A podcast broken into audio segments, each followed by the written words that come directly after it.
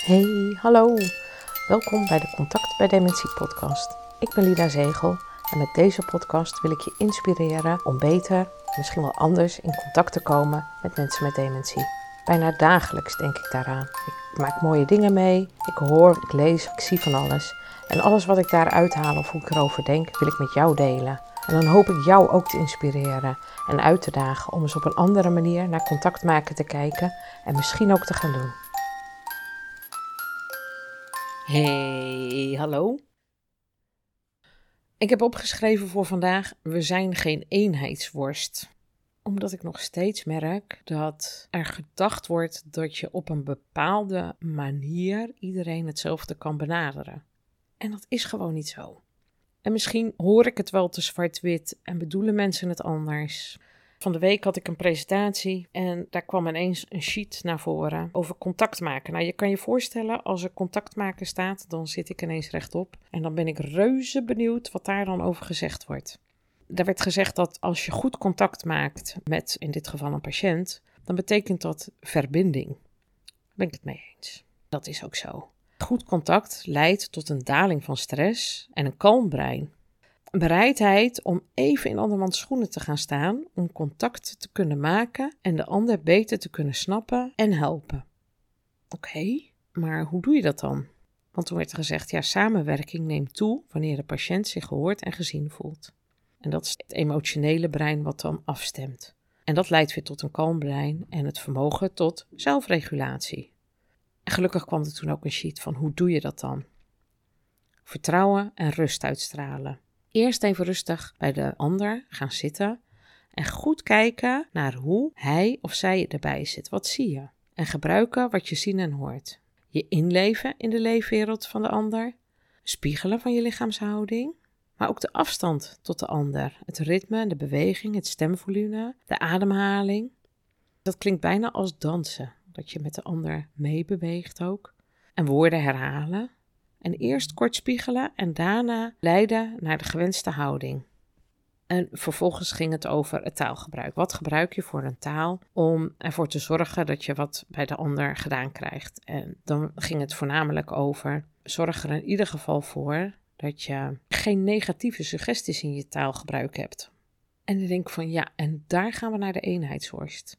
Dat je het moet gaan hebben over positieve suggesties dat we onbedoeld heel veel negatieve suggesties geven. Dus als we zeggen, pas op, je kan vallen. In het geval van een doelgroep waar we het meest mee te maken hebben met dementie. Mensen minder goed gaan lopen en dat ze kunnen gaan vallen. Pas op, je kan vallen. En je wil niet dat je je heup breekt. Dat zijn allemaal negatieve suggesties die je dan doet. Maar ook als je non-verbaal, als je echt heel angstig kijkt naar iemand, ja, dan schrikt dat ook op. Dus het helpt eerder om het positief te doen. In plaats van niet hoesten en niet bewegen, zeggen van nou haal even rustig adem en wat fijn dat je zo stil zit. Dus het niet voorkomen en het positief draaien. Ik denk dat we dat allemaal altijd wel proberen. Maar het is altijd goed om daar je van bewust te zijn. En dan nog denk ik dat het ook allemaal afhangt van afstemmen. En als je dan zegt van nou, hoe doe je dat dan? En er wordt gezegd vertrouwen en rust uitstralen. Dat is wat ik ook altijd zeg: rust. En zorg dat je de regie bij de ander legt, terwijl je zelf de regie uiteraard in handen hebt op het moment dat je dat doet. Vandaag kwam ik ook weer bij een instelling met mensen met verstandelijke beperking, of soms meervoudig. Ik bleef op de rand van de deur staan. De begeleider ging naar binnen en die zegt: Oh, Mini, je moet geprikt worden. Oh, zegt ze. Ja, de prikster is er al. Het is allemaal negatief natuurlijk, want prikken is niet goed. Maar goed, het is ook duidelijk. En zij zag mij staan en ik stond daar en zei ik, mag ik ook binnenkomen? Ja hoor, zegt ze. En toen deed ik met een hele grote stap alsof ik over een hele hoge drempel heen moest. Waarop zij moest grinniken. En zei ik, zo, ik ben binnen. Dan ga ik eerst mijn spullen pakken. Dat maakt dat je op een andere manier die ander de regie geeft, maar ook een beetje lucht in de situatie brengt. Want kan het ook heel zwaar maken van ik moet bij jou zijn en nou ja, wat je allemaal zou kunnen bedenken. En de begeleider zei, moet ze gaan zitten? Ik zeg, nou, als ze lekker ligt, zou ik lekker blijven liggen, toch? En vind je het ook zo lekker slapen? Ja, zei ze toen. en vervolgens heb je daar allerlei ingangen door, waardoor je op een ontspannen manier bij iemand staat en je handelingen kan gaan verrichten. Nou, kan me voorstellen dat je dat ook hebt als je mensen met dementie om je heen hebt waar je iets van verwacht. Of waar je naartoe moet om iets te gaan doen. Ik vertelde net ook dat je uh, goed moet kijken hoe iemand erbij zit en wat je dan ziet. Waar zou je dan naar kunnen kijken? Nou, ik denk of iemand afwezig is, of dat iemand echt heel alert is. Kijkt iemand angstig naar jou, zo van ik moet er niet aan denken dat je wat wil.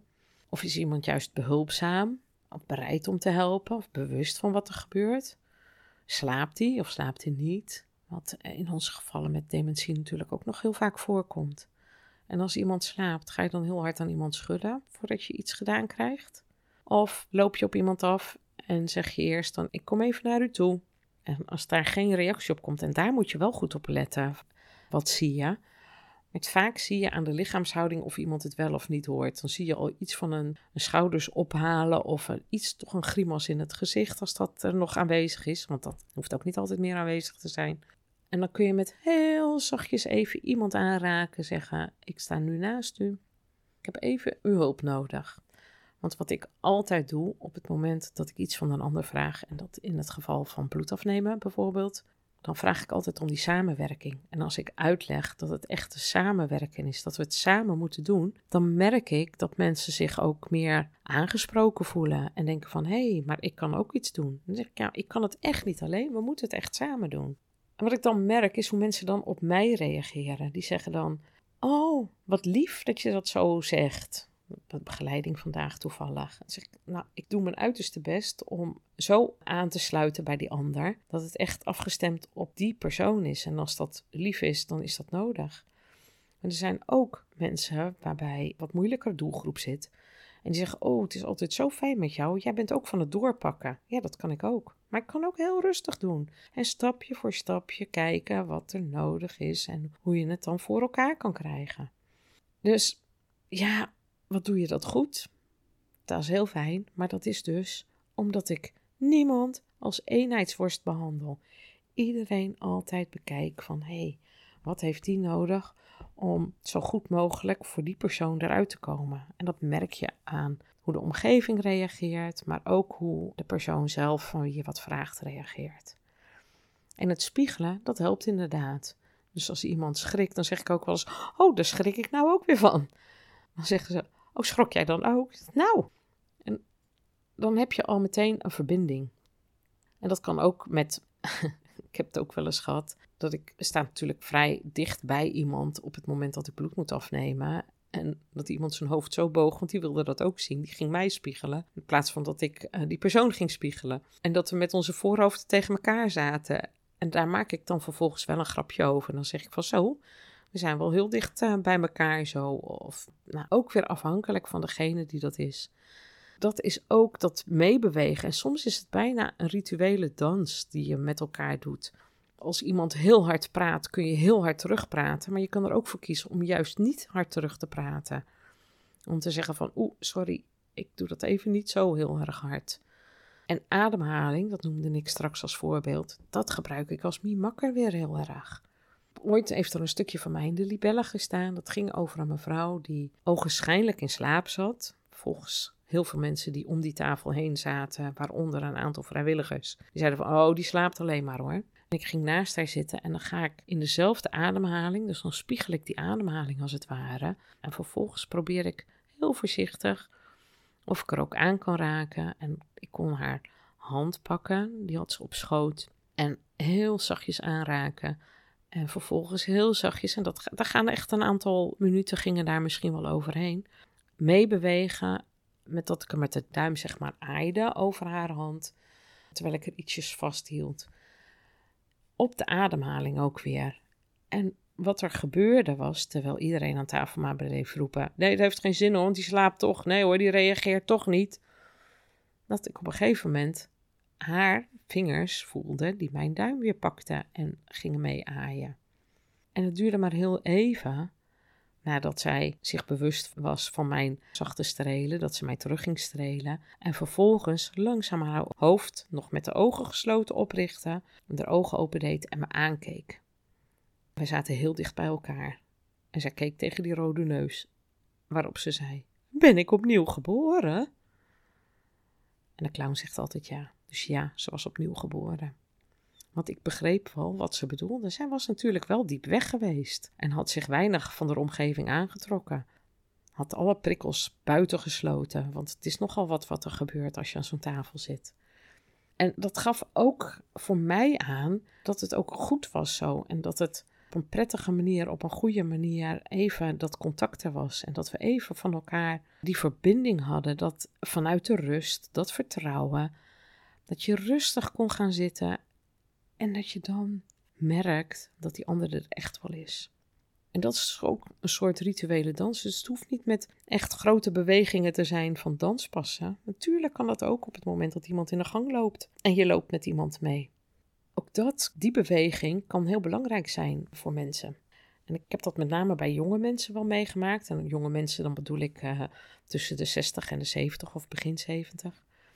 Die veel aan het lopen waren. En op het moment dat je meeloopt met iemand, dan begint iemand ineens te praten of te jabberen. Geluid te maken alsof het praten is, maar daar komen niet echt woorden uit. En als je dan terug jabbert, dus ook klanken maakt in die emotie en in die tonen en eh, snelheid en hardheid, dan ontstaat er een gesprek. En dat is ook dat ritme, dat bewegen, dat stemvolume, die ademhaling. Je kan het zelfs herhalen. En op het moment dat je het herhaalt, je moet niet papegaaien. Dat is natuurlijk weer niet goed, maar wel als iemand zegt: Ik moet eten. Oh, eten, ja. Op die manier kun je woorden herhalen. En op die manier kun je dus ook mensen verleiden of leiden naar een gewenste houding of omgeving. Hé, hey, een belletje. Oh ja, overlopen. Als we het nou toch overlopen hebben, volgens mij had ik een belletje gehoord over rollators. Mira? Het belletje van Mira. Ik kwam op LinkedIn, het zakelijk netwerk, een uh, post uh, tegen met de titel Dementie en de rollator. Dat triggerde mij wel. Het uh, bleek een post te zijn van Hanneke van der Pol. Die heeft ook een boek geschreven en dat boek heet Zeg ja bij dementie. Ze geeft ook trainingen. Ze had een vijftal tips die ze over de rollator kwijt wilde. Nou, ik ga ze gewoon even opnoemen. 1. Maak de rollator persoonlijk. dus zorg dat hij goed te herkennen is. Geef de rollator een vaste plek. Markeer eventueel iets op de grond waardoor je weet dat hij daar kan staan. Geef de rollator een naam en plak die er desnoods ook op. Nou, laat de rollator echt opvallen, waardoor je echt ziet: hé, hey, dat is mijn rollator. En de vijfde tip: plaats de rollator ook binnen handbereik, dat iemand ook echt ziet en er bijna niet omheen kan. Oh ja, ik sta op, daar is mijn rollator. Nou, ik vond ze eigenlijk heel duidelijk en heel persoonlijk. Dus uh, ik dacht, ik maak er even een belletje van. Dat was hem weer.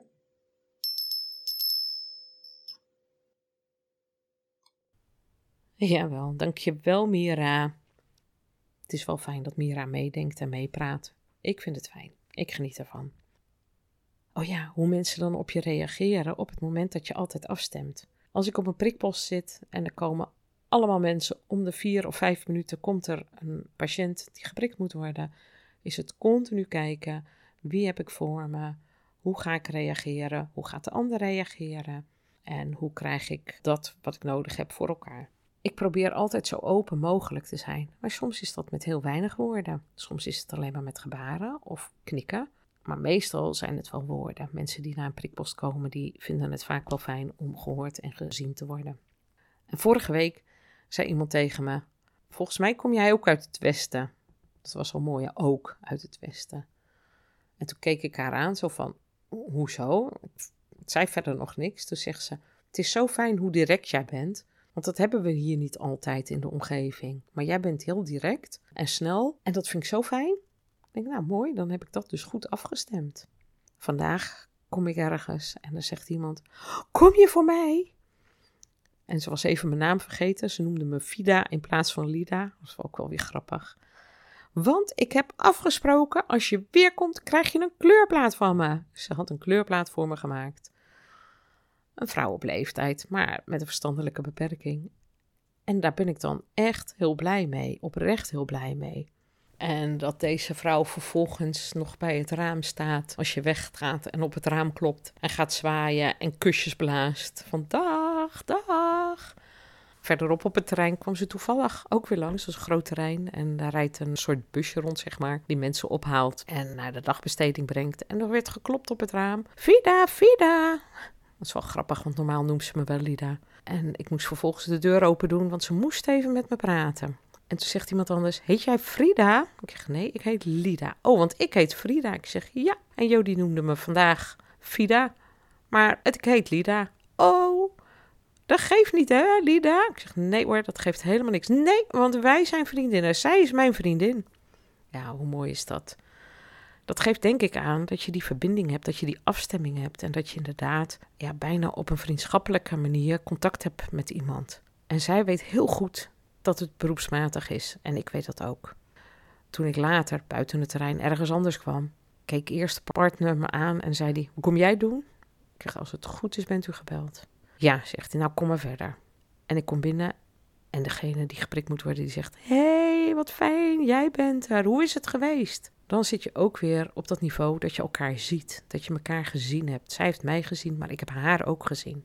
En we hebben het er even over, over vakantie, over weggaan of weer terugkomen. Ik zeg, nee, ik moet nog gaan. Oh, en leuk hoor, nou, en zo fijn. En ondertussen moest ik dus nog iets prikken bij haar.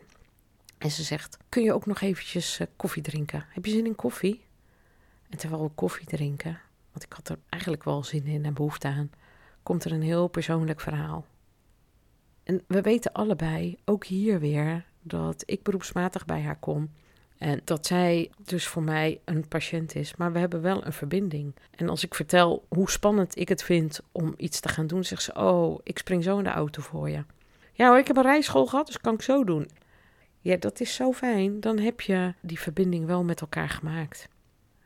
Goed. Ik denk dat ik op deze manier ook wel heb laten horen dat afstemmen echt iets persoonlijks is. En dat we dus geen eenheidsworst zijn. Je kan niet zomaar bedenken dat je overal hetzelfde doet. Het is continu kijken, hoe praat ik, tegen wie. Kan het niet beter en niet vaker herhalen, denk ik. En mocht het zo zijn, dan maak ik er gewoon weer een podcast van, toch? Voor nu, maak er een mooie dag van. Fijne week en tot de volgende keer. Doei. Ja, dat was het weer. Wat fijn dat je luisterde naar deze podcast. Super bedankt daarvoor. Want samen maken wij de kloof naar mensen met dementie minder groot. Abonneer je dan ook op deze podcast als je automatisch een bericht wilt ontvangen als er weer een nieuwe aflevering online is. En als jij een review achterlaat of een sterrenwaardering, kan deze podcast ook nog sneller gevonden worden. Hoe mooi zou dat zijn? En het zou nog fijner zijn als jij jouw positieve ervaringen wilt delen op een van je socials, bijvoorbeeld met een schermafbeelding. Je kan het altijd doorvertellen natuurlijk. Nog makkelijker. En wil je mij persoonlijk benaderen? Dat kan via mijn Facebook of Instagram pagina van Maatcontact of per mail lida.maatcontact.nl Nogmaals, super bedankt voor het luisteren en heel graag tot de volgende keer.